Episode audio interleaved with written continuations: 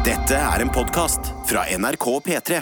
En av årets største juleserier er en superheltserie, Det stemmer. Hawkeye har nydelig julestemning på Disney pluss. mens House of Gucci på kino er et skikkelig saftig såpedrama. Og sjøl om det er 2021, så får fremdeles The Beatles terningkast seks i Filmpolitiet.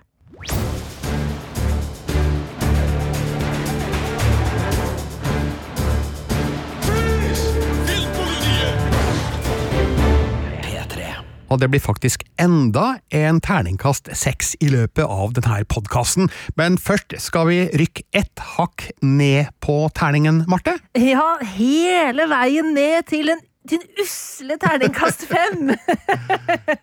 fordi det er det jeg eh, hadde å gi til Hawkeye, fordi yippee For et gledelig førjulseventyr. You're Hawkeye. Who the hell are you? Some people have actually called me the world's greatest archer. Are you one of those people? It's the most wonderful Hey, babe, I should be back in a day or two. Hang on a second. with the kids jingle belling and everyone Things have gotten more complicated. Ja, det var altså lyd fra Hawkeye, og vi skal inn i Marvel-universet, Marte. Det skal vi. Vi skal til New York. Post Blip, som det heter i Marvel Cinematic Universe. Altså etter Avengers Endgame, da en hel haug med folk forsvant og så kom tilbake igjen.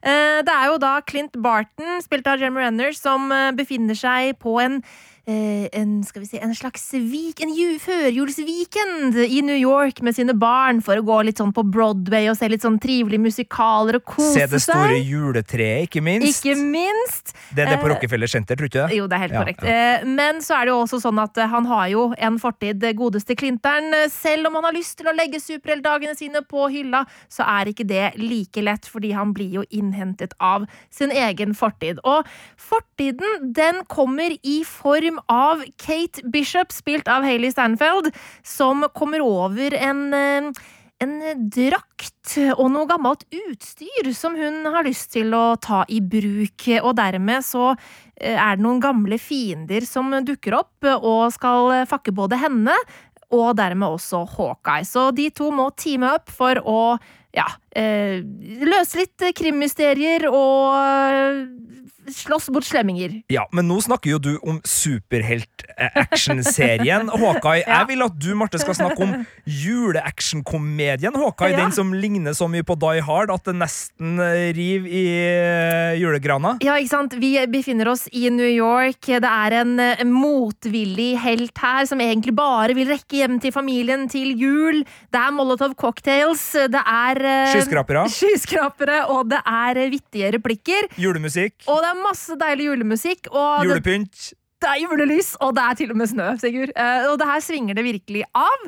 eh, fordi at Hayley Hailey Stanfeld og Jeremy Renner har en sånn herlig buddycop-dynamikk sammen, eh, som da eh, Kate Bishop og, og, og Hawkeye. Um, og det er bare rett og slett en fryd å følge dem eh, gjennom New Yorks gater. Men du, viktig spørsmål. Står Hawkeye og Kate noen gang under misteltein? Nei, det, det, det er et litt mer sånn far-datter-aktig forhold. Ok, greit. greit. Eh, takk for den. Men altså, verden har nettopp vært gjennom Thanos og Blipp, og halvparten av verden er i hvert fall traumatisert. Eh, funker det at det skal liksom være sånn julekoselig plutselig her? Ja, det funker veldig godt, fordi eh, vi får jo se at Clint er traumatisert, han også. Eh, sånn at serien eh, skyr ikke unna for det, men lar oss på en måte få kjenne litt på de traumene han har vært gjennom bitte litt. Ja, bitte litt. Eh, Og det står eh, 'Thanos was right' tagga på en eh, toalett, og, og det er litt sånn men, men, men det er klart Det er ikke veldig mye, men det er en smak av det. Ja, for, fordi det her skal være en lun uh, actionjulekomedie med mer uh, på en måte eller med sterkere bånd til Die Hard og, og kanskje The Long Kiss Goodnight og kanskje Little Mm. Weapon enn til Avengers-filmene direkte, så, så må den jo eh, velge å ignorere det i store deler, men, men den tar det inn litt, og, og ikke minst så er det jo en åpningsscene som går rett inn i den første Avengers-filmen, og som da spoler tilbake klokka til 2012. yep. Så, så den plasserer seg veldig tydelig i Avengers-universet, med både henvisninger, eh, referanser og faktiske scener. Ja, Altså, for eh, Vi har kanskje glemt å si det, men du har òg sett de to første episodene, Sigurd. Ja, for de er jo ute på Disney Pluss, og Yep. når det er nye juleaction-eventyr med superhelter ute på Disney Pluss, da er jeg dessverre så enkel at da uh, spiser jeg snop og ser det. Og så har vi jo nettopp da sett bare disse to episodene, sånn at uh, det kan jo hende at uh, stemningen endrer seg litt underveis, og at det blir mer litt sånn dyptgående tematikk etter hvert. Det er jo litt vanskelig å si. Det er seks episoder totalt. eh, Men enn så lenge så er det for det meste eh, fest og moro. Ja, det her er det stadige problemet vi dessverre har som seriekritikere. Vi får ofte bare de første episodene av en hel serie. Det blir jo litt som å anmelde ei hel plate ut ifra de to første låtene, men Eller en film i løpet av de første 20 minutterne. ja, ikke sant. Men det er den realiteten vi befinner oss i, så bær over med oss, kjære podkastlytter. Absolutt. eh, Men- og det er derfor jeg har valgt å kalle denne anmeldelsen min som i terningkast fem for et førsteinntrykk også. Ja, og det, og, og det er det jo. Det er et førsteinntrykk. Og, og jeg husker jo, for å bare liksom sette den litt, for det her er jo den øh, fjerde live action-MCU-serien på Disney pluss nå. Ja, Pluss at det har vært uh, What, ja, What ja. If, som da er animert i tillegg. Men det her er den morsomste. Altså Loki Mm. hadde buddycop-kjemi, dem òg. Riktignok kun i de to første episodene, så skjedde det noe helt annet med den, så det er viktig det du sier. altså Førsteinntrykk her kan endres uh, kraftig. Uh, Falcon and Winter Soldier var mer sånn litt traust, tradisjonell blockbuster-action, bare i serieformat, og jeg syns det er den svakeste så langt. Uh, og WandaVision var superrar og nydelig, men alt mulig merkelig, inkludert meta-TV-historie, for dem som er glad i det. Men eh, det at den er så tydelig på actionkomedien med trykk på komedie, gjør jo at jeg eh, på en måte tilgir eh, mangelen på veldig mye av det som kanskje burde ha vært av alvor og referanser og liksom uh, bånd til det øvrige universet. For her virker det som de bare tar seg en liten pause, og, og den musikalen om slaget om New York fra 2012, I som her har blitt episode, ja. eh, et Broadway Det setter jo liksom stemninga også for at ja, det er traumer for folk, men både skurkene her er teite, litt sånn karikerte østeuropeiske stereotypier. Det er veldig liksom lagt til et slags sånn alternativt 80-tall da, i, i Hollywood-øyemed, og det gjør at liksom det er lett å bare Sånn som en eventyrfilm Mm. kan bare liksom være så teit og rar den bare vil, fordi det er eventyr, og her er vi inne i den løssluppende delen. Absolutt. Og hvis jeg hadde vært litt mer surmaga, så kunne jeg sikkert eh, skrudd meg selv ned til en terningkast fire på det første inntrykket her, men jeg koser meg så mye med det. Eh, og så er jeg jo også veldig glad i Hailey Steinfeld, fordi hun er altså en så sjarmerende skuespiller, og hun har veldig god komisk timing og et sånt glimt i øyet som er så artig å, å se. Det er jeg helt enig i. Eh, Kan du eh, hjelpe oss? Hvor har vi sett henne før? Eh, altså, Vi så henne som veldig ung da hun spilte i True Grit. Eller så har hun jo hatt hovedrollen i Bumblebee, den Transformers-filmen. Hun har dukka opp i Pitch Perfect 3, var det vel. Og så spiller hun jo en veldig bra serie på Apple TV Pluss som heter Dickinson, hvor hun spiller en veldig sånn spesiell utgave av eh, Emily Dickinson. Så ja, hun har spilt i mye forskjellig, men hun er en veldig kul skuespiller, og hun har faktisk også stemmen eh, til eh, en rollefigur i en TV-serie som vi skal snakke om litt senere, også i denne podkasten. Eh, Mange jern i ilden. Husker også at vi har spilt låta av Ja, Hailey jo her på P3, så hun har mange talenter. Et viktig spørsmål for min del. Jeg er tydeligvis litt for dårlig til å sette meg ned og se på TV. Jeg har jo sett WandaVision, men ikke Falcon og Winter Soldier. Mm. Ikke Loki. Burde ha gjort det før jeg setter meg ned med Hawkeye. Nei, du må ikke det. Eh, Det som er det viktigste, er, er nok kanskje å ha endgame litt sånn friskt i minnet, i hvert fall sånn halvveis. Sånn Ja. at du husker hva var, hvor var Clint før og etter på en måte i endgame. Det er litt vesentlig. Ja, det er litt uh, Natasha Romanoff, altså Black Widow-tilbakespill, som er vel der serien er på sitt eh, mest sånn vemodige Mm. og, og såre. Eh, men jeg vil driste meg til å påstå, til dere som hører på, som ikke har et veldig sterkt forhold til eh, MCU-universet og Avengers-filmene, men som elsker juleactionkomedier av typen Die Hard, og som syns det høres artig ut, det her er vel den serien du egentlig ikke trenger å ha sett noe før, Nei, for å bare altså, give løs på. Um, det har litt å gjøre med på en måte den drakta som Kate Bishop eh, finner i, i første episode.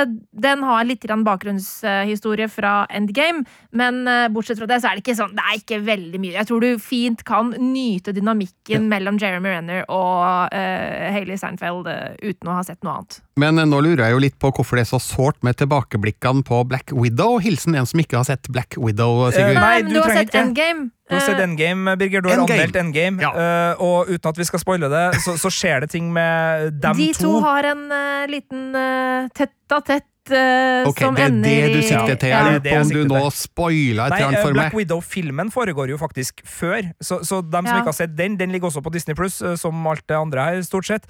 Uh, Black Widow-filmen er satt tilbake i tid, så det er da uh, Natasha Romanoff uh, før uh, Ja. Thanos. Takk, Men- det var oppklarende. Men mens vi er inne på Black Widow, så skal det jo dukke opp rollefigurer fra Black Widow-filmen i Hawkeye. eh, Ja, så det blir ja. jo spennende å finne ut av. De to første episodene er ute på Disney pluss nå, altså, og du har gitt en femmer på terningen. Litt snill eller litt streng? Litt snill eh, og humørfylt femmer til Hawkeye.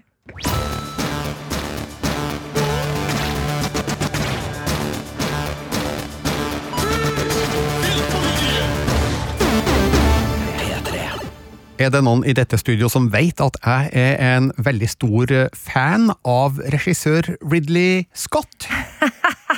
Ja, det er noe som demrer når du sier det, Birger. Ja, Altså, eh, han som laga Blade Runner og Alien og sånn? Det er helt korrekt, og som eh, hadde en kjempestor hit med Gladiatoren for er det 21 år siden nå? Herregud, tida den flyg. Eh, Nå i år er han jo kjempeaktuell, fordi han har hele to spillefilmer på kinoprogrammet akkurat nå. The Last Duel kom litt eh, tidligere i eh, vinter eller høst, og dessverre så gikk det ikke så veldig bra med den. Har ikke blitt sett av veldig mange, og det kan det sikkert være flere årsaker til. For det første at eh, det er covid rundt i verden, og at lanseringstidspunktet dermed er litt uheldig. For det andre så er det nok muligens en litt mislykka PR-kampanje inn i bildet her. Eh, Nå er han tilbake igjen med en ny film som jeg tror det kommer til å gå enda bedre med, nemlig House of Gucci. Gucci. It was a name that sounded so sweet, so seductive. Come, meet the family. Everybody, this is Patricia, and this is my family. They had it all wealth, style, power. Who wouldn't care for that? House of Gucci er bygga på den sanne historien om familien Gucci, som etablerte det kjente og eksklusive klesmerket. Regner med du har noen Gucci i skapet du, Marte? Nei, det har jeg ikke. Nei. Det har jeg ikke. Har du, Sigurd? Det har jeg ikke. Ikke Burde jeg det? jeg heller. Burde jeg ha det? Nei, altså, jeg tror kanskje at jeg hadde følt meg rar i eh, Gucci. Ikke helt riktig person for det, men de personene du møter i House of Gucci er åpenbart helt midt i blinken eh, for sine egne klær, selvfølgelig. Eh, Det er da sanne hendelser som ligger til grunn her, men det som er gøy, er at Ridley Scott han har laga såpedrama ut av det, med en rimelig høy camp-faktor, og det kun virkelig har sklidd ut og blitt parodisk, eh, men det er bare nesten parodisk, og det er akkurat der filmen skal være. Eh, Jeg elsker måten Lady Gaga og Adam Driver spiller på her, og de andre også, blant annet Al Pacino og Jared Leto. De snakker da engelsk med en skikkelig italiensk aksent.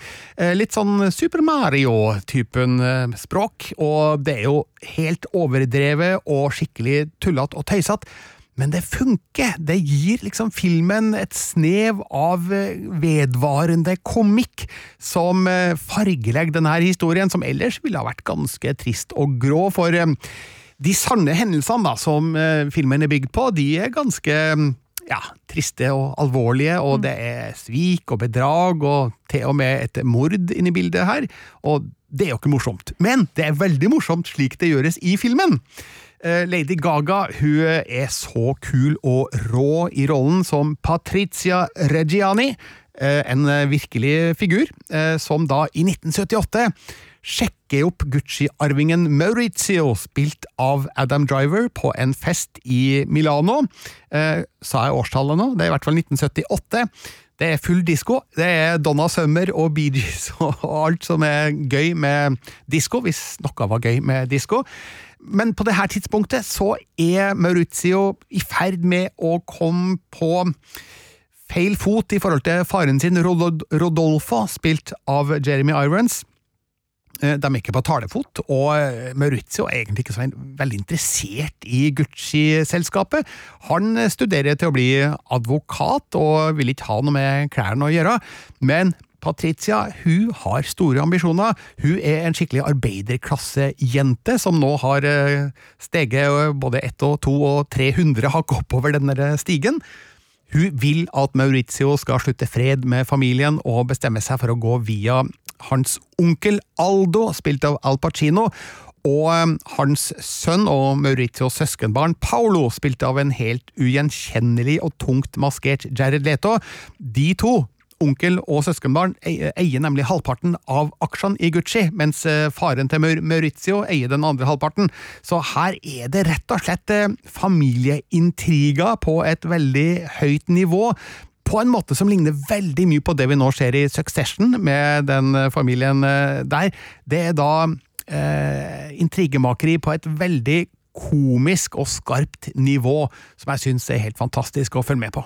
Og så blir jo jeg ekstra begeistra, for nå har du jo nevnt Succession, men det du sier der, har jo også litt sånn narrative likhetstrekk med pilotepisoden til Sopranos. Så det er jo noe sånn der italiensk mafia-vibb. Sånn, ja, men da kjenner jeg onkelen, så skal jeg få onkelen til å Det er jo akkurat det Junior i, i Sopranos må gjøre eh, mot uh, Altså, Tony prøver Ja å få mora til å snakke med onkelen, sånn at onkelen ikke skal gjøre et drap på restauranten til kompisen. Altså, det er jo sånn Ja, det er faktisk herlig. ganske riktig eh, poengtert, Sigurd. Nå er det altfor lenge siden jeg har sett pilotepisoden av Sopranos, eh, merker jeg, men her, også her er det backstabbing, og det er skjulte motiver, og man snakker med noen bak lukkede dører for å oppnå et eller annet resultat, og eh, ja, Altså, For enhver som syns at eh, slike ting er gøy, så har House of Gucci virkelig en del fete sekvenser i vente.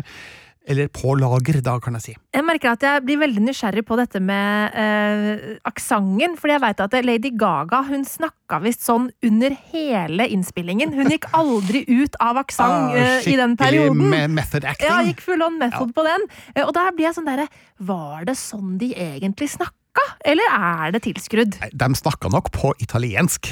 Det gjorde de nok. Det gjorde de selvfølgelig, ja. Ja. Ikke sant? Der har vi det! Har det, er vi også det. litt, det er også litt fascinerende å gå full method inn på noe som er eh, så på en måte eh, Ja, og, og oppdikta, på, på sett og vis. eh, Men, men nei, det er dedikert uh, innsats fra Lady Gaga. Definitivt. Men altså, bortsett fra disko og alt mulig sånt der, hvordan er tidskoloritten her? Hvordan er moten? Altså, tror du på universet på den sida? Ja, absolutt. Definitivt. Historien startet som sagt i 1978. Hoveddelen av historien den foregår på 1980-tallet, og så er vi litt ute i 90-åra før rulleteksten eh, kommer. Eh, Og hele veien så føler jeg at de nailer tidskoloritten, og ikke minst så nailer de den looken, det utseendet som man forbinder med Gucci og Hot Couture i det hele tatt. Nå har ikke jeg kjempestor erfaring på det feltet, det skal jeg si, men eh, jeg kjøper det bildet vi får av eh, Gucci-familien og deres ekstravagante levestil, og de miljøene de vanker i. Det er nydelig utført av Ridley Scott, som jo er en visuell mester. Og det er påkosta til de grader, det her, så verdensbygginga den overbeviser meg om at ja, vi er faktisk i Gucci-familiens eh, domene på 1970- og 80-tallet. Åh, Det høres helt nydelig ut. Jeg gleder meg skikkelig til å se det.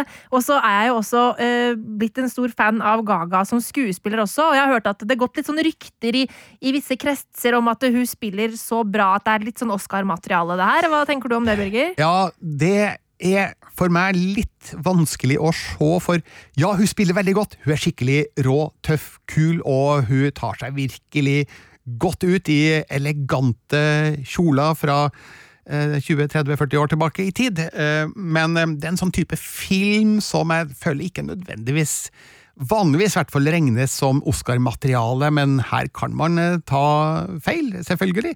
Eh, Men jeg tror ikke vi skal kun anta at hun er en frontrunner, i hvert fall i Oscar-sammenheng.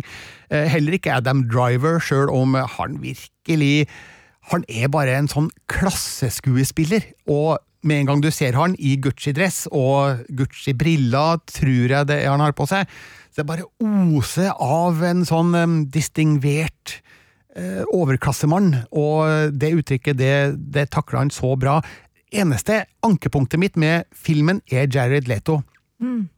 For han, han spiller så overdrevet at det tipper over. Det virker på meg som at han er med i en litt annen type film da enn resten, eh, mens resten, eh, som jeg sa eh, tidligere, balanserer på denne linja mellom eh, det du har på den ene sida og parodien på den andre sida, så havner Jared Leto over i det helt klart rent parodiske, og derfor så får ikke hans figurs skjebne like stor slagkraft for min del, og kanskje burde han ha holdt seg litt mer tilbake, men det der er kanskje en smakssak. Andre vil kanskje synes at Jared Leto er helt perfekt i rollen som Paolo, som er litt sånn Gucci-familiens sorte får, og ikke fullt så smarte sorte får heller. Eh, og så syns jeg det er veldig hyggelig å se Al Pacino og, og um, uh, Nå skulle jeg til å si Jeremy Renner, men det var ikke han jeg tenkte på. Jeremy Jeg tenkte på Irons, Jeremy ja. Irons, uh, som jo tilfører den tyngden de eh, tross alt har, til en film som kanskje trenger litt tyngde iblant. Jeg ble storveis underholdt av House of Gucci. Det er, det er sort humoristisk eh, såpeopera på sitt eh, aller beste, så det ble en femmer på terningen til, til Gucci, og her er det bare å komme seg på kino, gitt.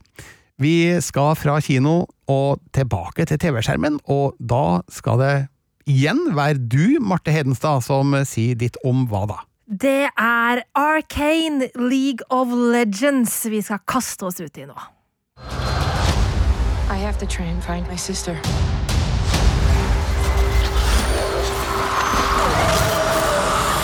Powder? Vi? There are people down there hell bent on destroying us. The only way to defeat Topside is to stop at nothing.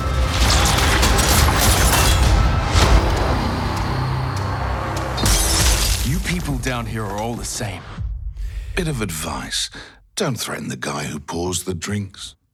Vi har allerede avslørt i innledninga at eh, The Beatles Get Back, som vi skal snakke om til slutt i podkasten, har fått terningkast seks, men at eh, vi òg har en annen sekser på lager, og ja, da må det vel bli Arcane League of Legends, Marte? Det er helt riktig. Og herlighet for en serie. Eh, Det her er jo en animasjonsserie som er ute i sin helhet på Netflix nå. Den ble sluppet i tre kapitler med tre episoder av gangen, tre uker på rad. Um, Og dette er en serie basert på League of Legends-spillet. Altså eh, multiplayer online battle arena-spillet, som er uh, verdens mest spilte spill. Um, og- Intet mindre? Ja, ja, det er verdens mest eh, spilte. Mest spillere i hele verden. Med, med, slår Fortnite med ganske mange millioner. Um, og da uh, Arcane kom, så var jo du og jeg på ballen. Vi så at den var på vei, Sigurd, men vi valgte å, å ikke anmelde den. Ja, altså, eh, Netflix uh, gir ut mye. De gir ut mye mye. animert, og de gir ut mye animert som uh, har med allerede eksisterende ting å gjøre. De har rebuta He-Man, ikke bare én, men to ulike animerte utgaver. Det er masse uh, Pokémon, det er masse Ja, altså, det, det er, Det er så mye. mye. Så, så vi mm, så den, og så tenkte vi at eh, vi følger med på den, men, men det var ikke noe vi liksom tenkte sånn Den her må vi anmelde, for vi visste ikke helt hva det var. Nei, vi tenkte at det, det her er sikkert noe for de som er ekstra interessert i League of Legends. Det her er for LOL-spillerne, i hvert fall min tanke. Så jeg den, gå, lot den gå forbi. Så kommer da de tre første episodene 6. november, eh, og jeg ser bare at det begynner å dukke opp i mine sosiale medier. at 'Har du sett Arcane?' Har du sett Arcane? Jeg bare sånn, oi, Kanskje jeg skal gidde å sjekke ut det her, da. Så ser jeg altså de tre første episodene og blir fullstendig hekta. Fordi det her er et fantastisk, magisk, nydelig animert univers. Um, det er jo da sånn at Arkane eh, forteller origin-storyen, eller tilblivelseshistorien, til to av LOLs eh, eh, kjente rollefigurer, egentlig. Vi og Jinx. Eh, og vi møter dem da som barn eh, i byen Pill Tower, som er et sånn slags litt sånn steampunk-aktig univers, hvor det er vitenskapen som står i fokus, mens magi det er noe farlig og skummelt man ikke skal ta tak i. Denne byen er delt i to. Det er topside, hvor de rike og liksom utdannede og flotte og fancy folka bor. Eh, og så har du eh, underbyen Zon, der hvor liksom de fattige utskuddene, de kriminelle, bor. Og det er her da Vi og Jinx befinner seg, eh, i en sånn liten bande av foreldreløse tyver. Um, som da er på tur til Pilltower og stjeler med seg noe de ikke burde ha gjort, som da får store konsekvenser utover i handlingen. Uh, unnskyld for uh, forsøk på, på humor her nå, men altså, den het Topside. Ja. Uh, skal vi da være glad det gikk etter Downside? Uh, på under... Men altså sånn ja, de det, det er kaller sånn det, det er litt sånn kallenavn for Downside, så det er litt, Ja. sånn, det er litt sånn upstairs, Ja, så- så downstairs-tematikk er- her. For jeg merker jo det, eh, det var det Netflix hadde også noen skrekkfilmer her eh, i, i sommer som eh, het eh, Var det Fear City? Dem? Det var en sånn eh, trilogi av skrekkfilmer som var basert på han Goosebumps-forfatteren sine, sine ba barnebøker. R.L. Stein. Ja, R.L. Mm. Stein, og der var det også sånn Sunnyville uh, altså, eh, Ja, dere- og, og når uh, det, det kan gjøres sofistikert, og, og man spiller da på klasseskiller og, og på at folk har det bra og dårlig. Det kan gjøres sofistikert, og det kan også bli litt teit, men her skjønner jeg da at det, uh, det gjøres uh, gjøres det- god kløkt. veldig på en god måte som gir oss et innblikk i livene til de som bor i slumdelen av byen. Eh, og det er masse politiske intriger og maktspill rundt dette her med de to forskjellige bydelene, eh, som eh, på en måte gir oss litt innsikt i hvorfor det her har endt opp på den måten det har gjort. Samtidig som vi da følger Vi og Jinx som kjernen i fortellingen, som to rollefigurer som jeg umiddelbart blir vanvittig glad i. Eh, og i løpet av de tre første episodene så Altså, er jeg så engasjert i deres skjebner, eh, og jeg eh, er livredd for hvordan det skal gå videre. Og så kommer jo da tre episoder uka etter der, og tre episoder uka etter der igjen, og nivået stiger hele veien gjennom, og denne Det er en sånn det er en vittighet og humørfylt serie som samtidig bærer med seg en sånn bunnløs sorg og en voldsom bitterhet over hvorfor ting har blitt som det har blitt. Så den har så mange lag eh, som gjør at jeg blir altså helt eh, revet med. Men må man ha spilt League of Legends? Må man ha forutgående kunnskap for å få fullt utbytte av serien? Virkelig ikke. Jeg har aldri spilt League of Legends. Eh, eh, altså sånn, sånn Battle Arena-spill er ikke min type spill. Jeg, jeg, er ikke noe god på det. Jeg syns ikke det er så artig. Eh, sånn at eh, det har null, ting, null å si. Samtidig så skjønner jeg jo at eh, det er ting her som sikkert en person som har spilt og kjenner til all Lauren fra LOL, vil få enda større utbytte av. Men det er så godt skrevet, det manuset her, og så godt sammensatt, at eh, jeg aldri føler at jeg går glipp av noe. Eh, det er en veldig godt eh, sammensatt historie, eh, med veldig fine rollefigurer som virkelig oppleves som hele mennesker. Eh, Stemmeskuespillet, er det her en serie som eh, er på engelsk, og som bare er på engelsk, eller er det flere muligheter Eh, her? det har jeg faktisk ikke sjekka. Eh, jeg har sett den på engelsk, fordi det er, eh, altså det er en ja, engelskspråklig serie i utgangspunktet. Og som jeg nevnte i stad, Hailey Steinfeld hun er med her. Hun har stemmen til Vi, og gjør det veldig, veldig bra. Hun klarer å gi veldig mye liv og ja, eh, mye virkelighet inn i den stemmen. Eh, men den stemmen som jeg syns er absolutt best, er Ella Pernell, som spiller Jinx eh, når hun blir litt større. Og hun er altså helt fantastisk i den rollen. Jinx er en figur som er ikke har det helt bra, eh, men hun er veldig morsom, har veldig mye sånn fandenivoldsk djevelskap i seg, samtidig som hun også har en sånn derre vanvittig sårhet som Ella Pernell får gjennom på utrolig bra vis. Du, det her høres jo virkelig ut som en innertier av en uh, animasjonsserie, og um, hvor og når er det man finner alt det her igjen? Altså, alt er nå ute på, på Netflix, og det jeg bare må si, er at uh, grunnen til at den her havner helt oppå sekseren for meg, det er også at det her er et slags kunstnerisk mesterverk fra uh, den franske animasjonsstudioet uh, Fortiche Production, som har tidligere samarbeida med Riot Games uh, i forbindelse med League of Legends. Og de har kombinert 3D og 2D eh, på en måte som gjør at det er en veldig sånn fin og malerisk stil eh, over selve animasjonen. Og så er de utrolig kreative eh, når det kommer til alt fra kameravinkler og perspektiv og klipperytme. Altså, det ser så fantastisk bra ut, eh, og du ender opp med å på en måte hele tiden sitte og stirre på skjermen fordi alt er et kunstverk. Filmpolitiet. Filmpolitiet På P3. Det var altså en sekser på terningen, og ja, da er det slik at eh, vi har en til, rett og slett. Uh, Seksere i fleng her, men eh, min er like sterk som eh, din, Marte. Jeg har nemlig sett den nye dokum dokumentarserien The Beatles Get Back på Disney pluss. We're talking about 14 songs we hope to get. I've got a feeling.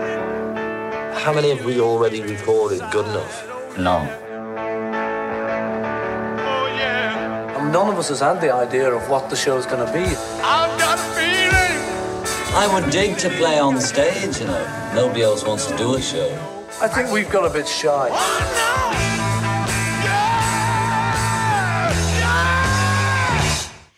The Beatles Get Back er regissert av Peter Jackson, mannen bak Ringenes herre og Hobbiten og King Kong og Braindead.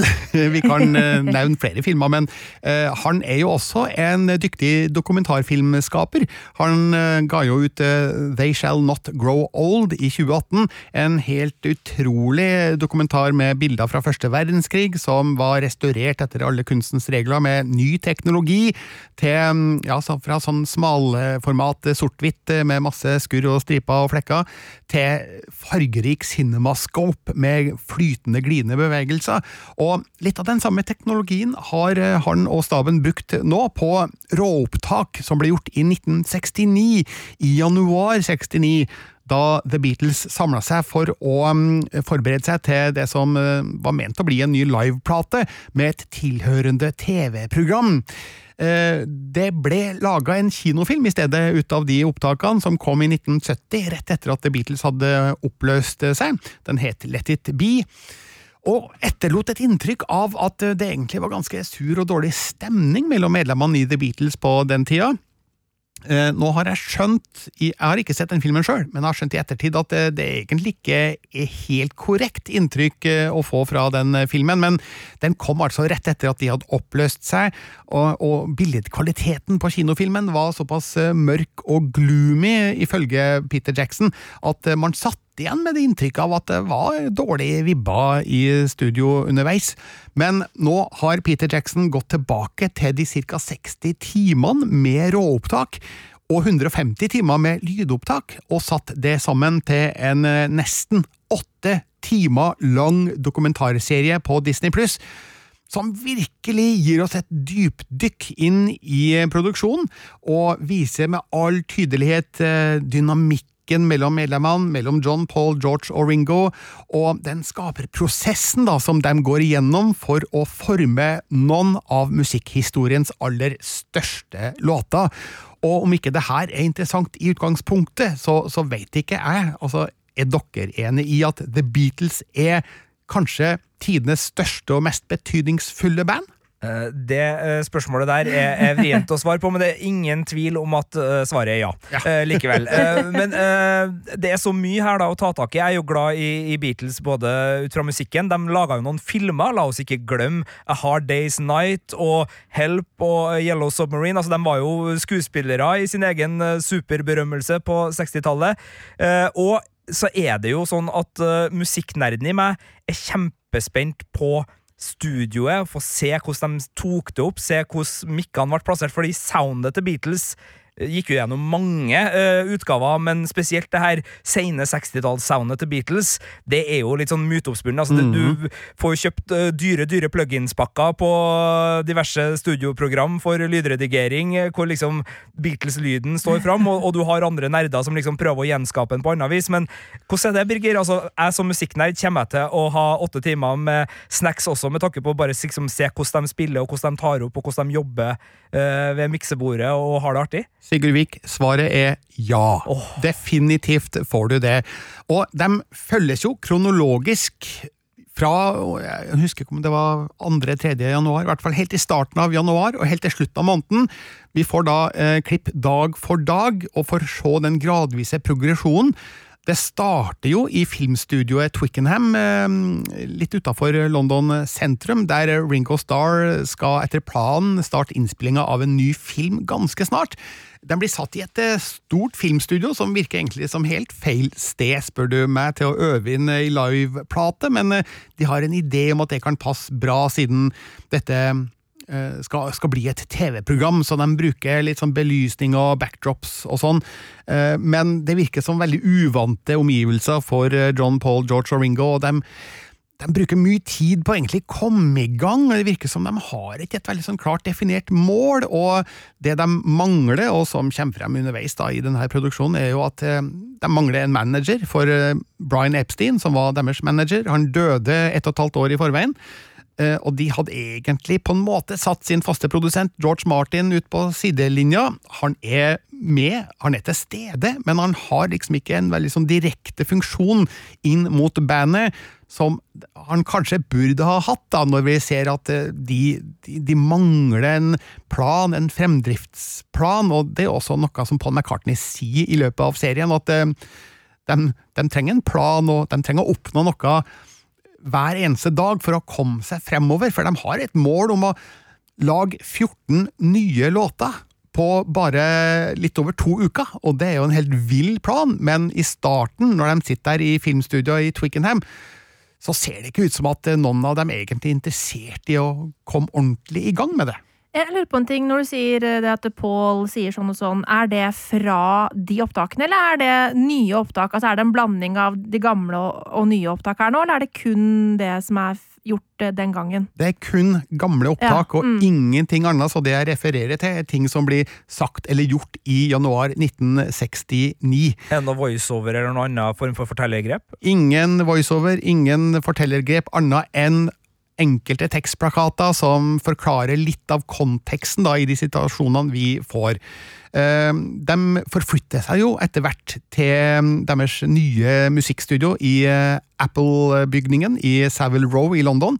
Eh, Og det er vel der de aller mest interessante sekvensene kommer, syns jeg, for her kommer de etter hvert ordentlig i gang med å øve inn de nye låtene sine. Men nå skal ikke du spoile noe for oss som gleder oss til å se serien, Birger, ikke sant? Nei, jeg skal selvfølgelig ikke ja, ja, ja, det, så nå, nå ble jeg litt usikker på hva jeg kan fortelle og ikke fortelle.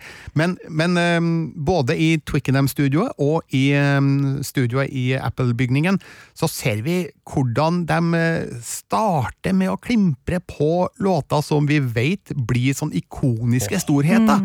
Og du ser øyeblikket der den ene spiller den øh, nye låta si for første gang til de andre, og så er det liksom let it be. Eh, og du tenker at herregud, nakkehårene må jo reise seg på dem som sitter rundt i studio, fordi de hører jo at ja, men det her er jo en framtidig monster-megahit av historiske dimensjoner, men så er det liksom bare en ny dag på jobben. Det er jo litt artig med tanke på den eh, filmen som kom for et par år siden, var det Yesterday den het, eh, hvor eh, premisset, det litt søkte premisset for filmen var at uh, hovedpersonen våkner opp i en verden hvor ingen, bortsett fra han, husker Beatles-låta.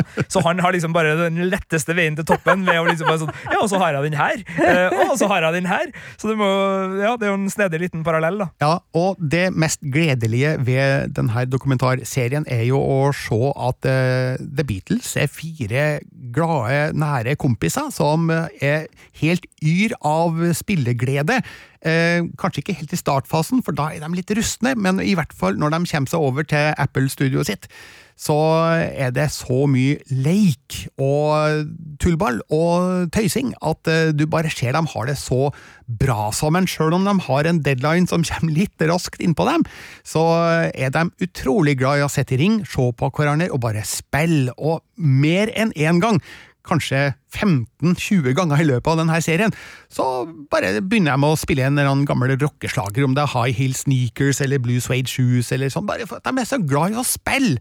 Og den her samkjørtheten er jo noe som kanskje eh, de svorne Beatles-tilhengerne vil bare elske, og jeg elsker det. Og jeg syns at eh, du får, eh, du får se Beatles i et helt annet lys enn du kanskje har sett dem eh, før. Du får en større forståelse for at det her var fire ganske forskjellige personligheter eh, som på en måte komplementerte hverandre. og vi har jo sett det i andre musikkdokumentarer at band med musikere som trekker i hver sin retning, kan ofte i et eh, helt unikt resultat.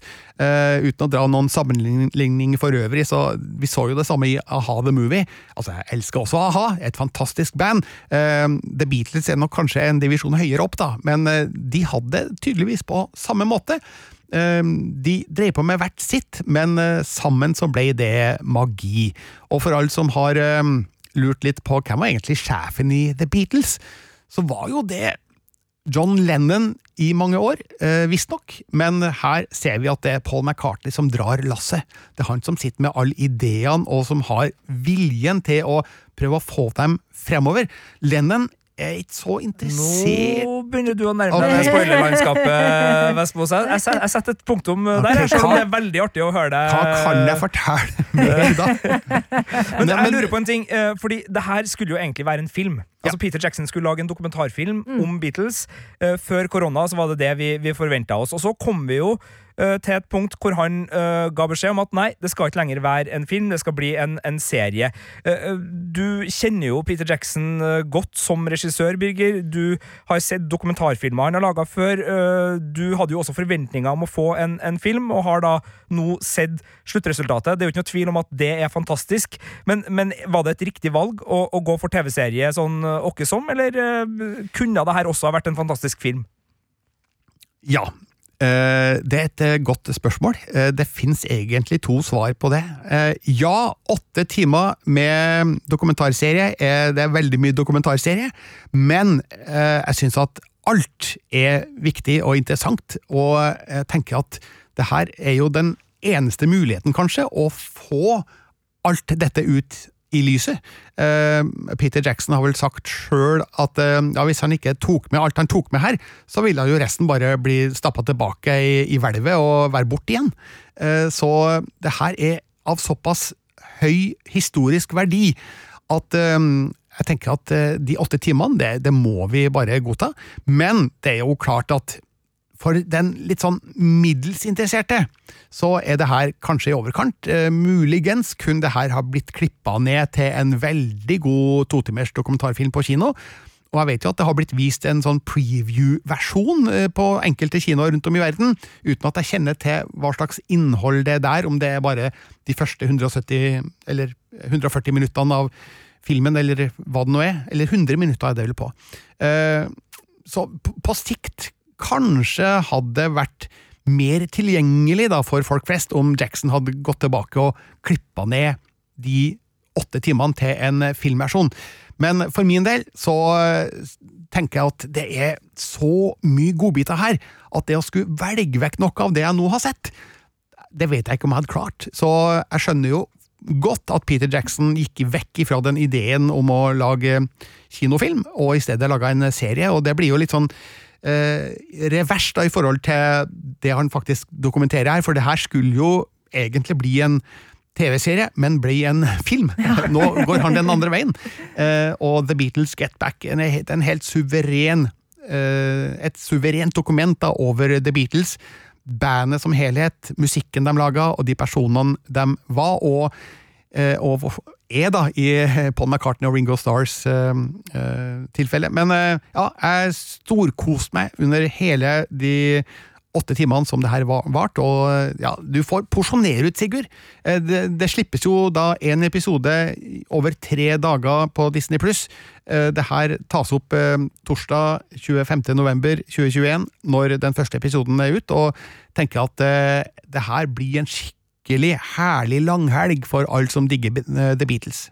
Jeg syns det der eh, høres ut som eh, bare en, en gave. Og jeg må jo bare si, da, eh, selv om det har vært et litt spesielt eh, film- og, og serieår, for så vidt eh, siste halvannet året på grunn av eh, litt, så den eh, fra sommeren og til nå, eh, musikkdokumentarbiten, har vært ganske fortryllende. For jeg skal legge til, bare for dere som er ekstra interessert, for det er jo ikke noe tvil om at uh, her Get Back-dokumentaren blir eh, et av årets virkelige en av begivenhetene. Men også Questlove sin Summer of Love-dokumentar eh, om en festival hvor teipene også hadde ligget i hvelvet altfor lenge, som foregår da om Harlem Cultural Festival, som går så å si parallelt med Woodstock på, på 60-tallet, ligger også på Disney Pluss og er en fantastisk eh, runde med musikkhistorie.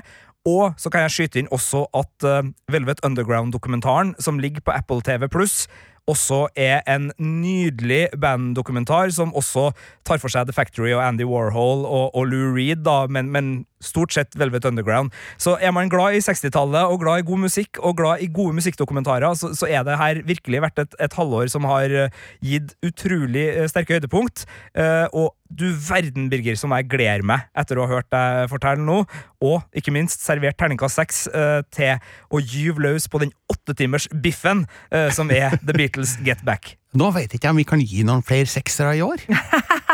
Vi får se. Det er jo, vi er jo bare helt til slutten av november. Det kommer jo en god del ting i desember. Matrix 4.